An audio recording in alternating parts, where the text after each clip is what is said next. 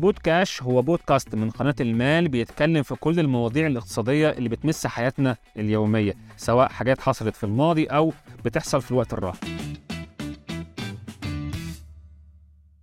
وهنا بقى عايزين نسأل سؤال وده سؤال يمكن كلنا كتير بنفكر فيه الناس كتير مننا بيبقى عندها ديون كبيرة جدا وديون ورا ديون ورا ديون حلقة من الديون ما بتخلصش إزاي أدير ديون أعمل إيه؟ طيب بالنسبة للديون آه، طبعا الديون دي كارثة. في الدي- الديون اللي هي اللي بتنقص آه، مش بتزيد يعني اللي بتنقص من الملاءة المالية بتاعت الشخص يعني في ديون جيدة جدا. هذه برضو مثلا واحدة من من الحاجات الثقافة المالية اللي إحنا ما عندنا. يعني اللي إحنا بنتكلم عن الديون دائما بنركز على الديون السيئة في ديون سيئة وحنتكلم عنها الآن وفي actually ديون جيدة وحنتكلم عنها برضو. طيب ناخذ الديون السيئة المعروفة اللي هي كل أخر شهر بتنقص من ملاءتنا المالية. يعني خلينا مثلا النهارده كتير مننا عندهم credit card عندهم أيوة. قروض عندهم قرض سيارة عنده قرض بيت. مجموعة من الديون اللي ما بتخلصش وكل شوية بيستدين وكل شوية بيخلص قرض يدخل في اللي بعده وهكذا واحيانا بياخد قرض يدفع بقرض قديم. إزاي نخرج من الحلزون ده من هذه الحلقة المفرغة اللي ما بتخلصش؟ طيب أول حاجة طبعا تسجيل وتدوين كل الديون اللي هي على الشخص. وفي طريقتين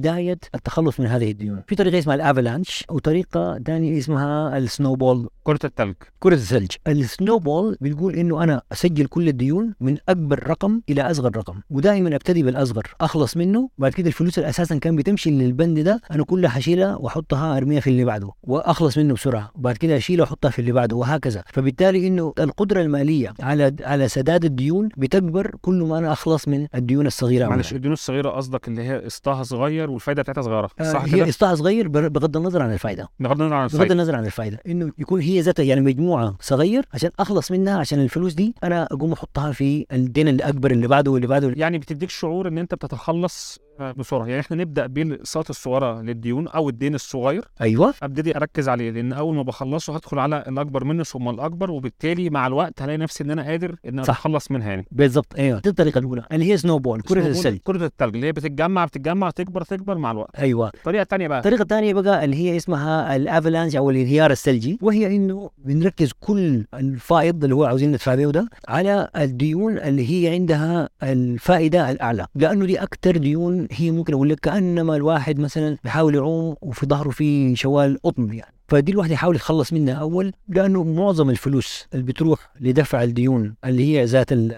الفائدة المرتفعة الأموال ما بتمشي للأصل بتمشي للفائدة. يعني مهما الواحد يدفع فيها ما بتخلص. يعني ما بتخلص. زي مثلا credit card مثلا. بالضبط زي ال credit card يعني ال credit card مثلا ممكن دلوقتي الفايدة على القرض الشخصي لسه 6 7 8% في حين إنه الفايدة على القرض بال credit card مثلا almost كان 25% وأكثر كمان. يعني لما بنيجي نحسبها بنلاقي إن هي فعلا واقفه على 25% وبالتالي أنا لو عندي قرض أو دين على credit card أو ايا كان تكلفته عالية. يعني إيه تكلفته عالية؟ يعني الفايدة بتاعته عالية. أركز عليه إن ده أخلص منه أكتر حاجة. لأن هو أيوه. كل ما كانت الفايدة عالية كل ما أنا أدفع أقساط أيوه. عليها فأخلص منها الأول. صحيح. فبالتالي مثلا let's say أنا إذا أنا عندي فائض 1000 درهم في الشهر. ال 1000 درهم دي أنا مثلا الديون بتاعتي لازم أكون أدفع 1600 درهم. أنا بس عندي 1000 فبالتالي الأولوية تكون للقرض اللي هو فيه الفائده العالية. حتى لو إن شاء الله ما أدفع القرض اللي هو الدفعيات اللي هي القرض متدني أخليها. فالأولوية تروح دائما للقرض بالفائدة العالية. طيب دي الطريقتين. في طريقة برضو يعني ممكن تساعد بشكل كبير جدا إنه الواحد يجمع كل القروض دي. إذا أنا القروض دي مثلا ماخذها من بنك ألف ممكن بعد كده أنا أقوم أروح لبنك با وأقول لهم يا جماعة أنا عندي مثلا القرض الفلاني والعلاني و X Y Z والمجموع بتاعه كذا. أنا الآن شغال عندي وظيفة كويسة عندي دخل كويس فأنا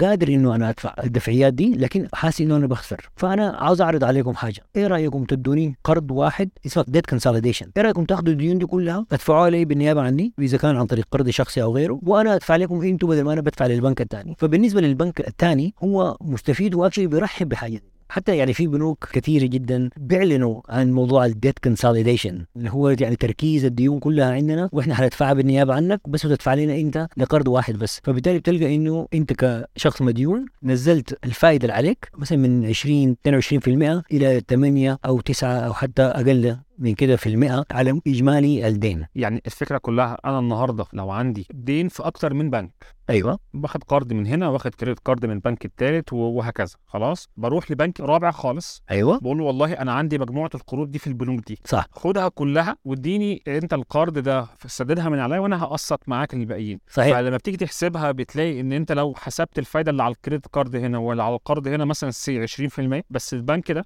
هيديني الفايدة 7 8% تقريبا يعني وبالتالي أنا كده هكون تخلصت من عبء كبير للأقساط اللي عليا من أكتر من مكان واستفدت إن أنا رحت البنك هيديني فايدة أقل لما أجمع كل الديون دي. صحيح. فاعتقد إنه مثلا ال 1000 درهم أو ال 1000 دولار اللي إحنا بندفعها أصلا تجاه الديون في الشهر بدل ما يكون مثلا 600 منها رايح لأصل الدين و400 ماشي فوائد هنجد إنه إحنا قدرنا نحسن الوضع ده. هي نفسها ال 1000 ولكن 800 ماشي لأصل الدين و200 بس ماشي فوائد دي ميزة كبيرة جدا جدا خاصة مع مرور الزمن يعني. حلو جدا.